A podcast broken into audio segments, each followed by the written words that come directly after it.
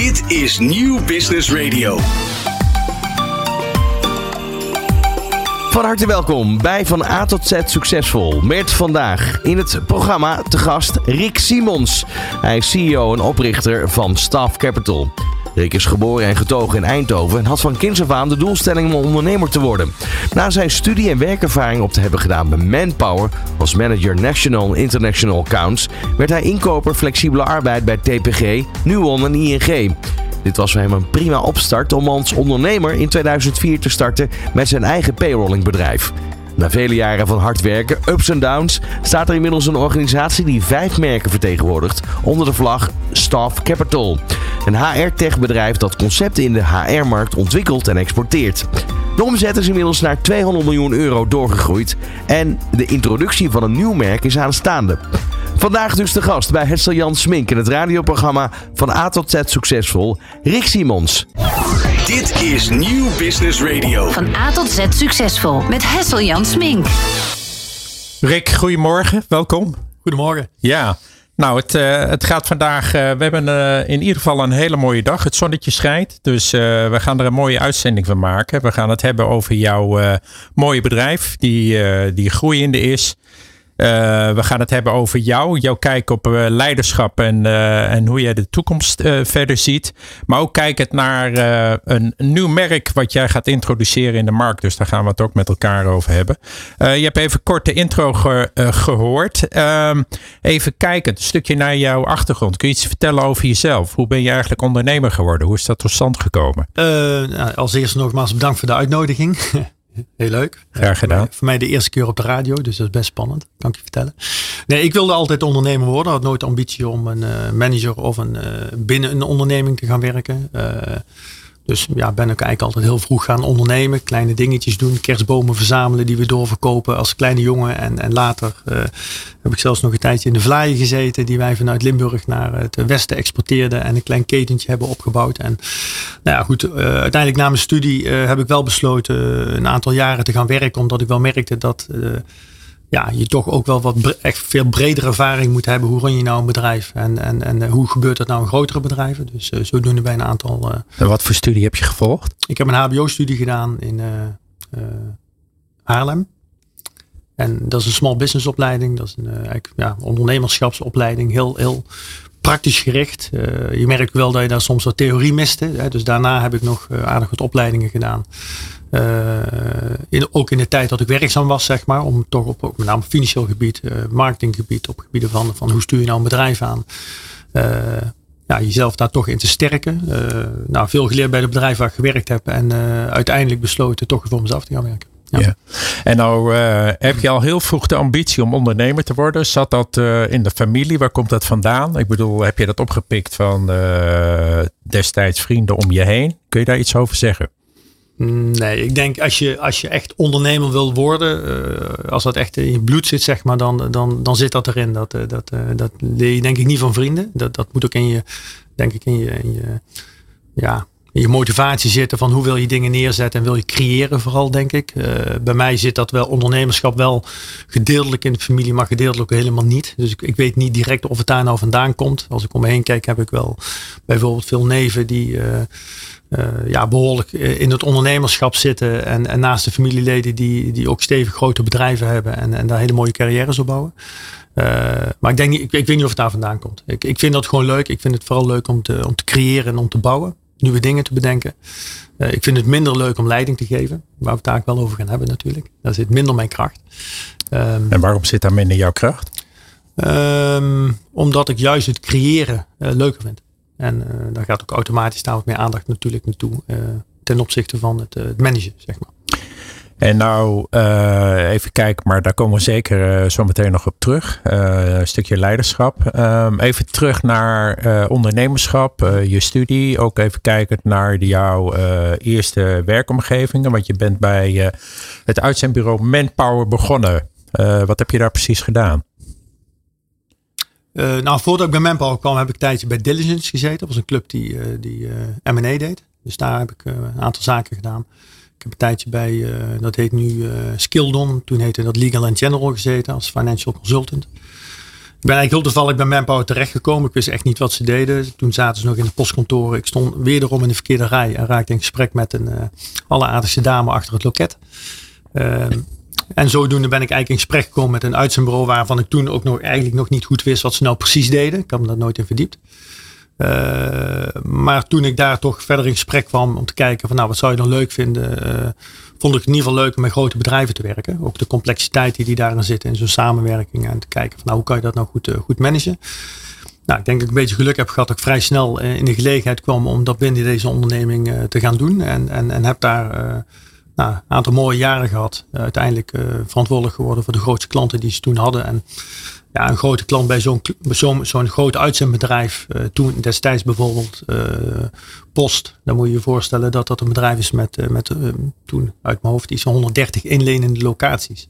Dat zijn enorme klanten waar heel veel gebeurt. Uh, best complex om te managen binnen zo'n organisatie waar ook nog alle vestigingen op profit en los staat. En zo'n grote klant gaat tegen een heel klein prijsje natuurlijk, moet je die bedienen. Dus er is altijd een heel groot spanningsveld tussen mensen goed voor elkaar krijgen en ook aan de andere kant die klant optimaal te kunnen bedienen. Het is een heel mooi spel. Um, en toen de organisatie ging reorganiseren ben ik naar uh, EMEA gegaan. Dat is de internationale tak in Europa. En heb daar uh, vooral Amerikaanse bedrijven mogen bedienen. En uh, nou ja, van daaruit ontstond eigenlijk ook het idee payroll. En als je het dan hebt over internationale bedrijven bedienen, wat moet ik me daarbij voorstellen? Uh, denk aan IBM, HP, uh, dat soort clubs waar, waar, Manpower internationale contracten mee heeft of had. Ik weet niet hoe het nu is. Um, ja, en die moeten binnen, die, binnen EMEA, hè, dat werkgebied in Europa, moeten die ook geserviced worden. Ja. En, ja. en dan heb je te maken met wereldwijde contracten die soms best complex in elkaar zitten. In een landenorganisatie die ja, dan zit je op landenniveau te managen. Dat, eh, dat is uh, ja, een heel interessant speelveld. Maar en, waar je vooral mee bezig bent, is zorgen dat de, de, de, de mensen, zeg maar, uh, ja, optimaal voor die klant uh, hun werk doen. En dat is best lastig in een landenorganisatie soms. Ja. En dan ben je ergens in loondienst. Ja. Hè, dus, en dan komt er ergens iets in je op, of er alle puzzelstukjes komen tot elkaar. En dan besluit je in 2004 om ondernemer te worden van een uh, payrolling bedrijf, wat je zelf hebt opgestart. Hoe is dat proces, die overgang, is dat tot stand gekomen? Nou, dat is eigenlijk heel simpel. In mijn laatste jaren bij Manpower liep ik er meer en meer tegenaan dat ik bij met name de Amerikaanse klanten uh, eigenlijk niet goed kon uitleggen hoe nou een, een, uh, een prijsopbouw zeg maar, in totaliteit in elkaar zat. Je zag dat die Amerikaanse markt veel progressiever al was dan de, dan de Nederlandse markt. Veel transparanter met, naar hun klanten. In Nederland uh, was men in uitzendland, uh, nog steeds wel een beetje, vrij conservatief in het opentrekken van kostprijzen en dergelijke. Dat uh, werd ook verschrikkelijk veel in verdiend door heel veel bedrijven. Um, maar ja, bij grote contracten is transparantie heel belangrijk. En naarmate je dat moet gaan toelichten en ja goed, uh, je bent continu bezig iets eigenlijk uit te leggen dat je denkt, ja waarom heeft dat die prijs? Ik sta er eigenlijk zelf ook niet achter. Met andere woorden, er zit best heel veel lucht in. Hè? Dus, dus ja, als de tegenpartij daar doorheen prikt en, en je, moet het toch verdedigen, dan wordt dat steeds moeilijker. En ik geloofde gewoon niet meer in dat businessmodel. En uh, zodoende zijn we gaan kijken van nou, hoe kunnen we nou uh, mensen langduriger bij opdrachtgevers laten werken tegen een lager tarief. Hè, waardoor je de, de hele termijn verlengt van uitzenden. Um, en je aan de voorkant toch je werving een selectiemarge kan maken. Want dat is natuurlijk ook belangrijk dat gebeurt. Um, alleen dan kreeg de handen niet voor op elkaar binnen de organisatie. Men, men wou toch in het traditionele model blijven. En nou goed, ik geloofde daar niet meer in. Dus, dus, en men wilde niet met mij meebewegen. En ja, goed, toen heb ik besluit genomen om uh, weg te gaan en uh, voor mezelf te beginnen. Het enige was, ja, een payrollbedrijf is een, is een kostbaar bedrijf. Ja, je draait uh, veel Kun je voor de luisteraars even vertellen wat payrolling bedrijf inhoudt? Zekers. in het kort de payrollen nu is iets anders dan, dan toen. Uh, toen was het. Uh, wat was het toen en wat is het nu? Ja, ik zal proberen simpel uit te leggen. Uh, toen ik begon was er eigenlijk nog bijna geen payrolling. Het, waar, waar het concreet op neerkomt is dat je het juridisch werkgeverschap van een werknemer overneemt. Die geworven is door het bedrijf zelf. Maar dat bedrijf om moverende redenen niet zelf op zijn eigen loonlijst wil zetten. En eigenlijk deze mensen als uitzendkrachten terugplaatsen bij dat bedrijf. Dus eigenlijk is het een uitzendmodel waar het bedrijf zelf de werving en de selectie doet. Even helemaal plat slaan. Uh, en het payrollbedrijf doet de contractering, uh, het uitbetalen van de mensen. Op het moment dat ze ziek zijn, dat netjes begeleiden. Dus eigenlijk zet je ze bij jou op de loonlijst en ja. dan detacheer je ze door. Detacheer ze eigenlijk terug op de uitzend-CEO, terug naar uh, de klant. Okay. Ja, is een driehoeksverhouding die je hebt. En um, dit marktsegment wat enorm hard gegroeid is. Ik denk op dit moment toch omvang 2,5 miljard binnen de hele uitzendsector die veel groter is nog natuurlijk. Dat was het in 2004 ook al, of dat is het nu? Mm, Nee, toen bestond eigenlijk nog geen payrollbedrijf. Je Het hebt, gedachtegoed eh, was nieuw. Ja, toen ik begon, wij zaten vooral in de grootzakelijke markt. Omdat wij vooral op die langdurige uitzendtermijnen zijn gaan zitten. Je had toen een payrollbedrijf. Die waren ook aantrekkelijker. Die waren aantrekkelijker voor het bedrijf. Scheelde heel veel geld. Ehm, en er waren, toen waren er wat kleinere payrollbedrijfjes eh, in de horeca. Was dat net upcoming. En je zag binnen de freelance wereld, ook de entertainmentwereld. eh en dat daar best veel, veel payroll in al zat. Ja, en dat is in de jaren daarna eigenlijk heel hard gegroeid. En nou goed, 2019 met de wet arbeidsmarkt in balans is payroll ook eh, gedefinieerd in de wet. Ook iets anders vormgegeven vanaf toen. Ehm, maar heeft ook echt een juridische positie gekregen. Dus best, best wel lang in die groei politiek ook best wel een discussiepunt geweest. Dan begin je in 2004, dus met je payrollingbedrijf. Inmiddels eh, heb je een organisatie met 140 medewerkers en een omzet van meer dan 200 miljoen eh, plus. Eh, in die tussentijd heb je ook andere merken geïntroduceerd. EasyWorks, RPO Starving, Flexplan en Easy Jobs. En als ik daar nou zo naar kijk, dan denk ik, ja, het lijkt allemaal op elkaar, maar dat is het waarschijnlijk niet. Nee, nee, dat klopt. Zijn, uh, nou, ik zal even in de shortcut er doorheen gaan. Ja. Uh, kijk, het opbouwen van een payrollbedrijf gaat met stappen met soms veel omzet en lage marge. Want dat is een kenmerk van een payrollbedrijf. Dat je de verhouding marge, bruto winst versus je omzet uh, is heel anders dan bij een uitzendbureau bijvoorbeeld. Hè. Die praten over 25% gemiddelde marges als een payroller. Bij grotere klanten een procentje of 5, 6 maakt, is dat echt al, doe het eigenlijk al best goed. Binnen het MKB ligt dat wat hoger. Um, hè, dus je, als je heel hard groeit, hobbelt de hele tijd je organisatie erachteraan. Nou, op een gegeven moment hebben wij gezegd van we moeten harder groeien. Dus zijn we met de equity partij uh, een buy and build traject op gaan starten. Dus we hebben ook een aantal payrollbedrijven gekocht. Uiteindelijk alles weer samengevoegd. En in 2018 uh, heb ik uh, de aandelen weer teruggekocht. En toen hadden we het idee van ja, hoe moet je nou verder met dat bedrijf? Uh, en wij vonden dat SEC als traditioneel payrollbedrijf, dat dat um, ja, wel kwetsbaar was. Ook met alle politieke uh, bewegingen zeg maar in de markt. En hoe men dacht over de payroll eigenlijk als product, als dienst. Um, Daarnaast was er een enorme vraag naar arbeid in de markt. Dus wij zijn langzaamaan gaan verschuiven met onze concepten. Hoe kunnen we nou ook meer inspelen en meer ondersteunen bij bedrijven op die vraagkant. Hè, want als een bedrijf zelf de mensen niet meer kan werven, ja, dan gaat je ook niet payrollen. Ja, want dat is net het kenmerk van payroll, dat de opdrachtgever de medewerker werft.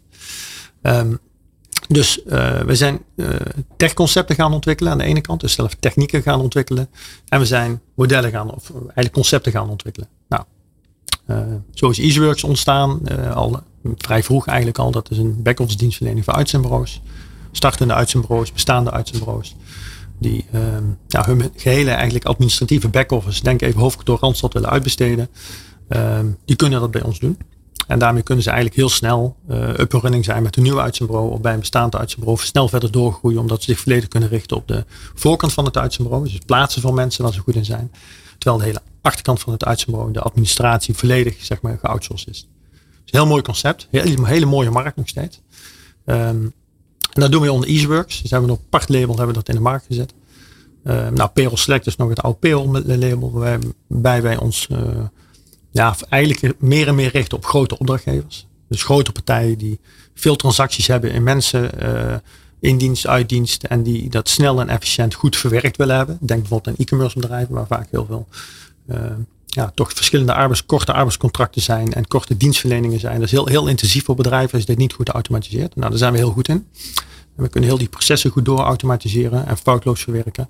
Uh, en daarmee echt hele grote aantallen uh, mensen snel en efficiënt en goedkoop. Uh, dus als ik het eigenlijk goed begrijp, dan is zeg maar dat hele automatiseringsproces wat je vorm hebt gegeven, is zeg maar ook een drijvende kracht achter al ja. jouw ja. labels, achter al jouw merken. Ja, enorm belangrijk. Ja. Hou dat even vast. We gaan er even tussenuit voor een muziekje. En dan uh, komen we zo meteen uh, terug. Want het is ook weer uh, heel interessant. Want Rick Simons, de CEO, oprichter van Staff Capital, gaat zo meteen straks ook introduceren welk nieuwe label hij voor jonge studenten op de markt gaat zetten. Maar dat horen we zo meteen. Dit is Nieuw Business Radio. Van A tot Z succesvol met Hessel Jan Smink. Welkom terug in mijn radioprogramma. Vandaag bij mij te gast Rick Simons, de CEO en oprichter van Staff Capital, een HR-techbedrijf dat concepten in de HR-markt ontwikkelt en exporteert. Rick, voordat wij verder gaan uh, met jouw uh, mooie bedrijf en uh, alles wat er op komst is, gaan we even naar het rad van A tot Z succesvol. Dat rad dat staat voor je. Het rad van A tot Z succesvol omvat 26 krachtige beschrijvingen van leiderschapsthema's die ertoe doen bij het uitvoeren van je rol als leider, manager en coach. De thema's zijn alfabetisch van A tot Z weergegeven en gebaseerd op het leiderschapsthema's uh, uit mijn zakboek uh, voor succesvolle managers en coaches. Nou, je ziet het rad voor je staan. Je mag er een zwengel aan geven en laten we eens kijken waar die, uh, waar die op uitkomt.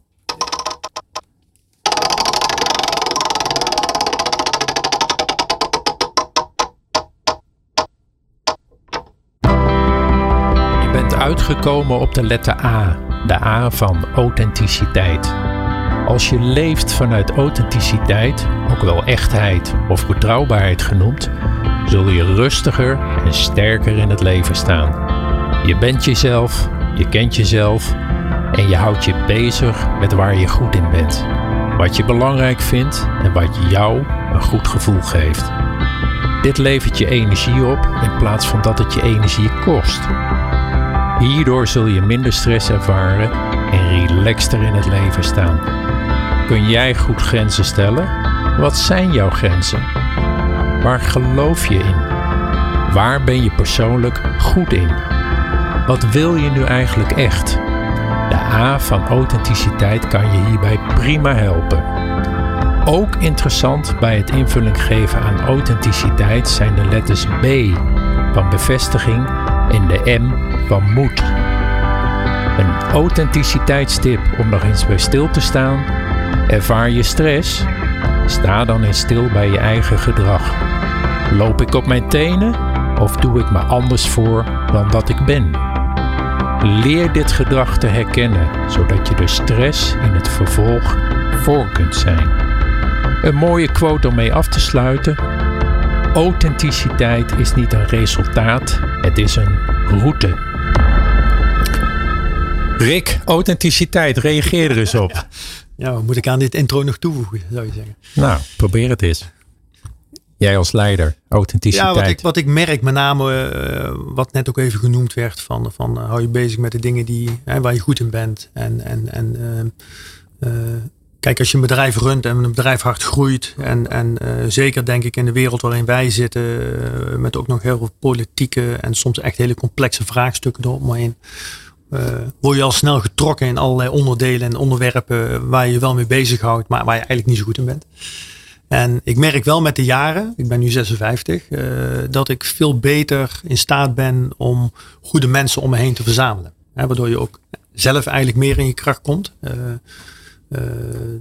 dat ik beter uit. Hè, voorheen was het nog wel eens, nou pak alles maar mee, maar dan ben je eigenlijk niet zo efficiënt. Je begint dat ik in ieder geval begin dat steeds beter te zien van, van hoe ben ik het productiefst en, en hoe, hoe breng ik dingen tot het beste resultaat. En ja, bij mij was wel een eye-opener, denk ik, toen ik drie jaar geleden uh, het echt anders ben gaan doen. En heb gezegd van nou, ik, ik moet nu echt mensen om me heen verzamelen die, die, die, die op heel veel vlakken. En wat was daar de aanleiding voor? Uh, de aanleiding was toen dat ik de aandelen van de organisatie had teruggekocht. En ik er ook achter kwam uh, dat de toenmalige directie uh, ja, toch de onderneming minder goed runde dan dat ik dacht dat gebeurde. Ik stond toen iets meer op afstand omdat we in een aantal acquisitietrajecten zaten waar ik druk mee was. Um, dan moet je steunen, meer steunen op, in dit geval in ieder geval toen op de toenmalige directie. En ik toen ook besloten heb dat anders te gaan doen. Dus ik heb sowieso de hele directie vervangen. Maar ben ook echt op een andere manier andersoortige mensen naar binnen gaan halen. Met, met beter leiderschap. Ander soort leiderschap aan het brengen in de onderneming ook. Dat, dat ging ook niet uh, eigenlijk zoals we wilden. Uh, mede ook met de change die we gingen maken van, van ja, laat ik zo zeggen, traditioneel payrollbedrijf naar HR-tech bedrijf. Ja, dat, dat is best wel een aardverschuiving als je waar we heen wilden vergeleken met waar we stonden. Zeg maar. Ik zeg altijd maar een traditioneel payrollbedrijf is een beetje stichting administratiekantoor. Uh, terwijl een HR-tech bedrijf ja, toch een hele andere dynamiek heeft, andere soorten functies, rollen heeft, andere uh, manieren van werken heeft. zeker als je de, de, marketing en de tech kan meer gaat, gaat raken. Uh, ja, want je had ook al aangegeven, dus uh, kijkend naar jouw kracht zit er met name in de creatie dan in leiderschap. Althans, dat gaf je zelf aan. Uh, kijk, leiderschap heeft in mijn optiek en wat ik net ook, uh, wat je net ook hoorde, hè? dus alles te maken met echtheid, betrouwbaarheid, hè, waar je graag mee bezig wilt zijn, waar je goed in bent. grenzen stellen is daar ook heel, heel belangrijk in. Kun jij grenzen stellen? Ja, ik denk wel steeds beter. Ja, ik denk wel dat ik steeds beter. Dat was lastig voor je. Nee, nou, ik denk als een, laat ik zo zeggen, tijd terug. Uh, kijk, vaak ga je compenseren waar je dingen ziet die niet goed gaan. En eigenlijk is dat niet de juiste manier van werken. Hè. Eigenlijk moet je zorgen dat degene die de dingen doet, dat beter doet en die verder brengt. En, of uiteindelijk even kiest dat anders te organiseren. maar als je als leider gaat compenseren, is dat niet goed. Ik denk dat ik dat in de jaren beter ben gaan zien. Ook gewoon door ervaring, denk ik. Een stukje coaching van mensen omheen. En ja, ik denk de route die we zijn ingeslagen vanaf 2018, dat dat een, ja, een hele mooie weg is die we aan het inslaan zijn. En als ik ook kijk waar we toen stonden en waar we nu staan, dat is fantastisch om te zien wat er gebeurt in die organisatie. Uh, enorme veranderingen op allerlei gebieden. En, en hele andere soort mensen ook in de organisatie. Waarbij overigens, en dat vind ik ook echt heel gaaf om te zien, er ook nog steeds heel veel mensen zijn die er toen ook zaten. En die meegroeien met, met, de, met de change waar we eigenlijk in zitten. Ja. Ja, dat is gewoon een heel mooi proces. Alleen ik ben daar niet de juiste persoon in om dat proces goed te begeleiden. Dus daar heb ik gelukkig uh, goede collega's voor gevonden die dat uh, heel goed kunnen doen. Ja. ja. En uh, als je kijkt naar authenticiteit, hè, net uh, ja. gaf ik ook aan, hè, dus uh, stress. Hè, stress heb je natuurlijk als leider, als, als, als oprichter, als ondernemer altijd wel. Um, maar ook als je kijkt naar ook jezelf kunnen zijn, heb je het gevoel dat je jezelf kunt zijn? Of doe je je soms anders voor, waardoor dat ook leidt tot stress als leider? Nee, ik denk niet dat ik nooit anders voor Nee. Nee. nee en waarom ik, niet? Ja, omdat ik, als je even het woord authenticiteit dan heel letterlijk pakt, hè, dan, dan, dan vind ik ook dat je juist dicht bij jezelf moet blijven in alles wat je doet. En, en uh, ja, dat probeer ik altijd wel te doen. Ja. ja en uh, hoe kijken jouw medewerkers tegen jou aan als leider? Het is heel mooi, hè, want je bent open, je vertelt iets over jezelf. Ook kijkend naar een stukje kwetsbaarheid, maar hoe kijken jouw medewerkers naar jou? Nou, ik, ik, ik denk als ik kijk naar mijn huidige medewerkers, zijn ze ervan overtuigd als ik zeg dat ik zeker niet de beste leider ben, dat ze dat allemaal zullen beamen. Aan de andere kant uh, ben ik wel zeer sterk in mensen enthousiasmeren en, en uh, op een authentieke manier motiveren. Uh, en daar is denk ik ook een heel groot stuk kracht voor mij. Dus ik, ik krijg wel vrij makkelijk, denk ik, mensen mee in mijn enthousiasme en in de beweging die we moeten maken. en ik denk ook dat zij dat zo zien. En, en dus. En wat betekent uh, succes voor jou? Wat is de definitie van succes? De definitie van succes voor mij is als je ziet dat daar waar je heel veel tijd in stopt, dat dat ook erg goed uitkomt. En, en uh, op de manier die je beoogt. En uh, in het eindresultaat wat je beoogt. En um, laat ik zo zeggen, in, in onze wereld vind ik het soms best lastig. In de wereld van, van payroll en uitzenden, laat ik die twee even bij elkaar pakken.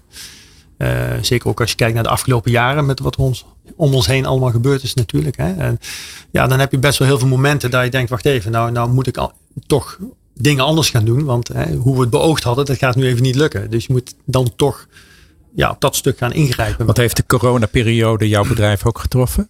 Uiteraard, ja, zeker. Op welke manier? Nou, wat ik het moeilijkste vond van corona is, uh, ik, ik, ik heb vanaf, omdat we natuurlijk uh, al een beetje in 2002 ook begonnen waren, al, al drie crisissen meegemaakt met de onderneming. En we hebben hem altijd breed opgezet in meerdere marktsegmenten. Dat heeft ons ook altijd uh, goed er doorheen geloodst. Ja, wat ik wel zeer extreem vond van corona is, is, is dat het natuurlijk echt sprake was van dat hele sectoren gewoon dichtgingen. Het was niet van het, het is hier wat minder of daar wat minder. Nee, er gingen echt complete sectoren dicht. Uh, en bij ons heeft dat zeker op, uh, op, binnen het hele MKB-bestand tot de nodige problemen geleid bij heel veel. Ja. ja. En, een ander ding wat daar natuurlijk, een, en dan komen we dadelijk op, het, nu op, de, op, ook over het goede wat eruit komt, dat we natuurlijk met z'n allen remote zijn gaan werken. En dat is ook alweer de basis van ons nieuwe concept. Ja. Dus. En als je dan kijkt naar zeg maar jouw bedrijf uh, Staff Capital. Uh, we hebben het er al over gehad. Hè? Je hebt vijf merken. Payroll, Select, EasyWorks, Appio, Staffing, Flexplan en Easy Jobs. Uh, dan kom je in een coronaperiode terecht. Dan uh, zie je dus dat de, uh, de wijze waarop mensen met elkaar werken, interacteren, dus aan het veranderen is. En dan kom je als creator kom je op een bepaald idee wat geleid heeft tot een nieuw merk. En dat heet Kick Jobs. Kun je eens vertellen wat er dan in jouw hoofd omgaat, waardoor dit geleid heeft tot een nieuwe variant waarvan jij zegt: hé, hey, dat is interessant voor heel veel jonge studenten? Uh, misschien om heel even, even, terug te grijpen naar die periode. Hè? De, want, uiteindelijk ben je natuurlijk in de COVID-periode gewoon bezig je business goed te runnen en constructief door die periode heen te komen. Uh, en ondertussen moet je ook nog proberen te bouwen aan je onderneming. Nou, dat, dat is best een uitdaging in die tijd. En die, voor ons was dat best een uitdaging. Je kan net de mazzel hebben dat in bepaalde sectoren zit dat het allemaal wat makkelijker gaat. Uh, voor een deel hadden wij dat gelukkig ook en een ander deel was moeilijk. Aan de andere kant zijn we heel erg met onze teams blijven uh, werken, nadenken, doorontwikkelen. Weliswaar niet in het tempo dat we beoogd hadden, want dat ging gewoon niet. Uh, uh, we hebben ook echt heel erg moeten wennen aan decentraal werken. Technisch is het allemaal best prima snel te regelen. Het was ook heel snel geregeld. Maar om ook constructief met elkaar goed decentraal te kunnen werken. Van de een op de andere dag. Want dat was het. Hè. We, zaten met 140 man op kantoor. En uit mijn hoofd 13, 14, 15 maart in één keer met z'n allen thuis technisch lukt dat. Maar om dan ook echt goed met elkaar te werken, dat vond ik nogal een eh, enorme uitdaging. We hebben heel veel tijd en energie ingestopt. En dat, dat gaat eigenlijk heel goed. En op dit moment uh, zijn wij een bedrijf wat, wat toch denk ik voor nou, 30, 40 procent al full remote uh, werkt. Dat vind ik nou, toch nog wel heel veel uh, voor ons soortige bedrijven. Um, ja, en als je kijkt naar kickjobs, wat wij zijn blijven doen is blijven nadenken hoe kunnen wij goede concepten in de markt zetten. En, en, kijk, wat je eigenlijk zag na de, er zijn eigenlijk twee drivers die kickjobs, uh, uh, die belangrijk zijn voor het ontstaan van kickjobs. Dat is aan de ene kant de enorme vraag van arbeid in de markt. Uh, niet alleen na COVID, maar die was er al voor COVID. In 2018 zag je al dat de arbeidsmarkt krap werd. Toen was het vooral de economische groei en vergrijzing in de meeste sectoren. Of breed in veel sectoren. Um, na COVID kwamen daar nog een hele marktverschuiving bij. En, en, en, en even goed weer economische groei. Even goed weer die vergrijzing. Maar ook ja, gewoon dat, dat bedrijven anders gingen werken. Hè, ook door COVID ontstaan. Uh, waardoor eigenlijk die krapte in, in no time uh, verder is opgelopen. Dus dan ga je nadenken, oké, hoe kan je dat stuk oplossen? dat is de ene kant. En de andere kant is dat je zeker ook door COVID, maar ook wel de doelgroep waar we het net over hadden, de, de, de studenten, young professional, uh, gaat kijken, ja, wat, wat beweegt nou in die groep en hoe willen die mensen nou uh, uh, studeren, werken en, en hun carrière gaan opbouwen. Wat is, dus daar hebben we goed onderzoek naar gedaan in die tijd.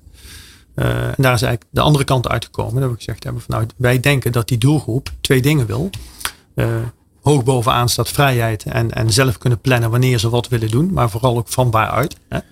Uh, en ze willen werken aan een stukje carrière. Hè. Men wil werken daar waar, waar, waar ik uh, in opgeleid word of werken daar waar ik goed in ben. Hè. Dat wil men verbeteren. En goed, als derde is het ook leuk om een biertje te tappen en een pakketje weg te rijden. Dat gebeurt ook zeer veel door die doelgroep. Uh, maar als je zegt doorvraagt, dan zeggen ze van nou, het zou toch heel fijn zijn als we meer binnen ons vakgebied zouden kunnen doen. En daar is gewoon heel weinig aanbod in. Maar ik heb, ik heb al in de gaten, volgens mij kun jij hier gewoon de hele ochtend over door blijven praten. En dat gaan we zo meteen nog doen. Maar we gaan er zo meteen eerst nog eventjes uit voor een muziekje en dan uh, komen we zo meteen terug. Maar eigenlijk kort samenvattend is Kickjobs eigenlijk een online marktplaats voor studenten en jong professionals. Waar vraag en aanbod van remote uit te voeren opdrachten snel en simpel worden samengebracht. Correct. En daar gaan we zo meteen op door. Dankjewel. Dit is Nieuw Business Radio. Van A tot Z succesvol met Hessel Jan Smink. Welkom terug bij uh, mijn radioprogramma van A tot Z Succesvol. Vandaag bij mij te gast CEO en oprichter van Starf Capital, Rick Simons. Starf Capital, een een HR-techbedrijf dat concepten in de HR-markt ontwikkelt en exporteert. Rick, wij gaan zo meteen verder met jouw uh, nieuwe merk wat jij aan het introduceren bent, uh, genaamd Kickjobs. Maar voordat wij dat gaan doen, dan gaan we nog even naar het rad van A tot Z succesvol. Want er moet natuurlijk ook een combinatie zijn met leiderschap, hè? want dat spreekt jou natuurlijk ontzettend aan. Want dat heeft natuurlijk ook een waardebepalende factor in jouw uh, groei van jouw mooie bedrijf. rad van A tot Z succesvol omvat 26 krachtige beschrijvingen van leiderschapsthema's die je te doen bij het uitvoeren van je rol als leider, manager en coach.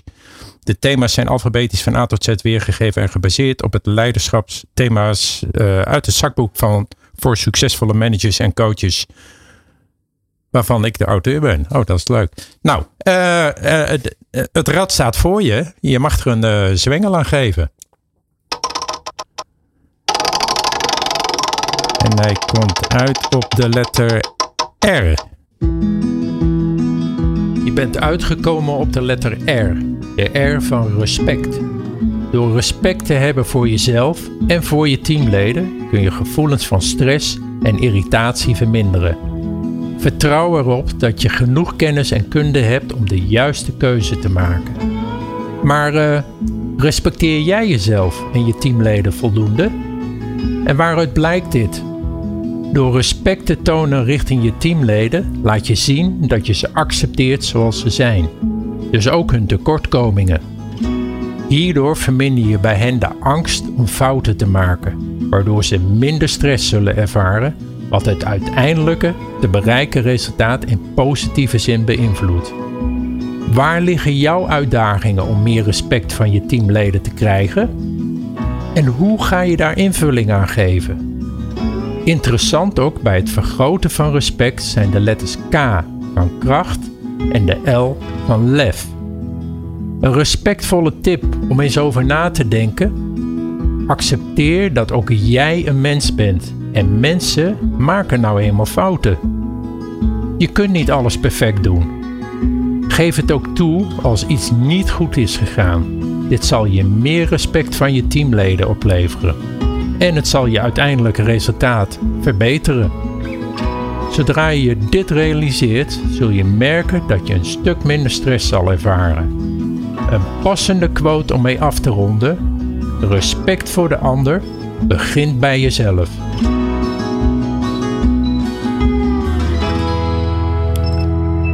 Respect voor de ander begint bij jezelf, Rick. Reageer er eens op. Ja, moet ik even over nadenken. Ik, ik, ja, kijk, hoe ik tegen dingen en mensen aankijk is altijd met respect. Uh, zowel in werk als privé. Uh, in werk, zakelijk, uh, vind ik heel belangrijk dat je zakelijk op inhoud heel goed met elkaar moet discussiëren zonder dat je op de persoon speelt. vind ik een vorm van respect. Wordt soms wel eens door mensen door elkaar gehaald. Ehm, ja, wat ik fantastisch vind om, om te werken met jonge mensen. Jonge enthousiaste professionals, jonge enthousiaste mensen. Uh, ook, ook stagiaires of die echt nog aan het begin van de carrière staat. Waar, je, uh, waar, de, energie van afspat. Maar die ook heel veel ruimte bijvoorbeeld voor fouten moeten hebben. En, en die in een veilige omgeving moeten kunnen, kunnen werken. En, en, en, en kunnen groeien en zich kunnen ontwikkelen. Dat, dat vind ik persoonlijk in de aansturing veel leuker om te mee te werken. Dan dat je met bijvoorbeeld uh, managers die al de nodige levenservaring hebt, hebben, uh, hoe, hoe die tegen werken en, en, en uh, groei aan, aankijken. Dat is ook een andere manier van, van leiding geven naar dat soort mensen. Ook hartstikke leuk. Maar ook dat moet je op basis van respect doen. Ja, waar ik heel erg in geloof is, is in de eigen kracht van, van, van mensen om me heen. En, en, en, en de eigen drive ook om, om verder te komen tot dingen. En Um, ik denk dat ik iemand ben die, die daar mensen heel veel ruimte in geeft, uh, vertrouwen in geeft. Uh, ik vind het wel heel belangrijk dat op het moment dat dingen niet goed gaan, dat dat goed besproken wordt, dat dat proactief besproken wordt hè, en niet verdoezelen, want dat, dat zijn dingen die hebben ook met respect te maken. Uh, en dat je daar open en transparant en veilig over kan, kan praten met elkaar. Want ik gaf het al aan, hè, respect voor jezelf en je teamleden, dat is natuurlijk heel belangrijk, maar heb je ook respect voor jezelf? Ja. En waar blijkt dat? Nou ja, goed, ik denk als je respect voor anderen wil kunnen hebben, moet je dat als eerste al bij jezelf hebben. En uh, wat voor invloed heeft het respect, zijn, respect hebben voor jezelf, voor jou als leider naar anderen toe? Ik zou niet weten wat voor invloed dat heeft. Kijk, ik denk, ik denk als je uh, niet vanuit je eigen, eigen oprechte, intrinsieke uh, gedachten en gedachtegoed werkt. en, en, en niet, niet, respectvol naar jezelf of geen respect voor jezelf hebt, kan je dat ook niet uiten naar anderen. Ik denk dat respect heel veel samenhangt met vertrouwen. En, en uh, op het moment dat je mensen binnen een vertrouwde, veilige omgeving uh, met respect hè, en, en, transparantie hun werk laat doen, dat ze dan het beste tot, tot, tot groei komen. Alleen je moet wel controleren en, en bijsturen links en rechts. En ook dat kan je op een, denk ik, hele respectvolle manier doen. En, ja, en heel vaak gaat het dan heel goed en soms gaat het een keer niet goed. En ja, dat zijn de momenten natuurlijk, vind ik in ieder geval, dat je met elkaar moet kijken van nou oké, hoe ga je dit nou verder brengen? Zeker. En dan uh, komt er een nieuw bedrijf uh, uh, zit er aan te komen. Kickjobs, een online marktplaats voor studenten en jong professionals. Waar vraag en aanbod van remote uit te voeren opdrachten snel en simpel worden samengebracht. Als je nu kijkt naar, uh, we hebben het er net al even kort uh, over gehad. Uh, wat zijn met name de doelgroepen voor Kickjobs? En bedoel je dan aan de bedrijvenkant of aan de werkende kant? Aan de bedrijvenkant. Aan de bedrijvenkant. Um, daar kan ik heel diepgaand op ingaan en heel, heel breed. Uh, als je naar uh, buying... hou het eventjes in grote lijnen. Ja, als je naar buying personas kijkt, die hebben, die hebben we zeker gedefinieerd op alle onderdelen. Maar, maar uh, het kenmerk van het platform is dat wij studenten, young professionals inzetten voor het invullen, vervullen van opdrachten die ze op afstand gaan invullen. Dus eigenlijk alles wat je online en via je telefoon kan doen, kan je als opdracht zeg maar definiëren. Um, als je naar de bedrijven op, of, of, of, of organisaties kijkt, zeg maar, want dat kan ook non-profit zijn, dat hoeft niet per se een commercieel bedrijf te zijn. Uh, ja, dan heb je voor de hand liggend uh, marketing, marketingcommunicatie, ICT, daar, daar zit al heel veel, heel veel remote in. Hè. Daar, daar, wordt, kijk naar plekken als Indeed en zo, zie je heel veel van dat soort werkzaamheden die gewoon online worden gedaan werkzaamheden in de beveiliging kunnen online gedaan worden. Denk aan op afstand uh, bijvoorbeeld een, een, deur in de gaten houden uh, gedurende 12 uur waar mensen in en uit moeten die je moet kunnen openen of sluiten. Denk aan uh, callcenter werkzaamheden die op afstand gedaan kunnen worden. Denk aan mensen die op een boekhouding bankboeken inboeken op afstand of juridische studenten die juristen ondersteunen bij het schrijven van bezwaarschriften in wat simpelere privaatrechtelijke zaken waar er enorm veel van zijn in Nederland. Dus de, de, wat we proberen te doen eigenlijk is de waaier van, van rollen, zeg maar, waar je dat kan doen. Uh, verder, verder, verder uh, ja, te ontsluiten bij bedrijven. Daar vinden momenteel best veel gesprekken tussen onze bedrijven plaats om te kijken waar, waar, waar Waar zouden we hè, deze, deze projecten, deze opdrachten eh, op kunnen zetten? Even buiten de voor de, voor de hand liggende de kanalen, want die, die zijn vrij simpel in te vullen. Uh, ja, dat zijn hele interessante gesprekken met advocatenkantoren, met, met, met uh, accountantskantoren, met, met verzekeringsmaatschappijen. Uh, en het hele leuke is dat bijna al die bedrijven door COVID natuurlijk remote zijn gaan werken voor geheel of gedeeltelijk en nog steeds voor een groot gedeelte. Maar als je dan kijkt van ja, waar zouden wij nou in opdracht voor jullie hulp kunnen bieden? Want al die bedrijven zijn aan het zoeken naar mensen. En dat zijn ze allemaal lokaal aan het doen eigenlijk. Hè? En als je dan kijkt, hè, dus zeg maar naar de, zeg maar de, de doelgroepen waar je op pitcht. En ook kijkend waar de, de oorsprong is ontstaan van kickjobs. Ja. Waar sta je dan over drie jaar als je terugkijkt? Wat heb je dan bereikt met kickjobs? Als ondernemer, je bent ondernemer, dus je kijkt vooruit. Ja. Als je dat nou in één volzin uh, moet samenvatten, waar sta je dan? Uh, over wij kunnen nog een hele tijd doorpraten, maar het programma dat zit er alweer bijna op. Kijk, we hebben een hele sterke groeiplanning. En uh, als we kijken naar de campagnes die gaan in januari draaien. Ik denk dat wij uh, binnen drie jaar kickjobs hebben, live hebben, goed rendabel hebben. het grootste van het potentiële werknemersbestand van studenten van ongeveer 1,2 miljoen medewerkers kent dan kickjobs. En een heel groot gedeelte zal via Kickjobs uh, werkzaam zijn. En wij willen eigenlijk vrij snel uh, ook naar Groot-Brittannië om ook daar Kickjobs live te zetten. Omdat wij denken dat het heel goed past bij wat we doen. Mede ook aansluiting bij de internationale studenten en willen het platform ook direct in twee talen uitbrengen. we zijn nog aan het onderzoeken of het in de nationale talen binnen Europa interessant kan zijn. Dat, dat is op dit moment een vraagteken. maar we willen graag doorgroeien in Engeland. Ja.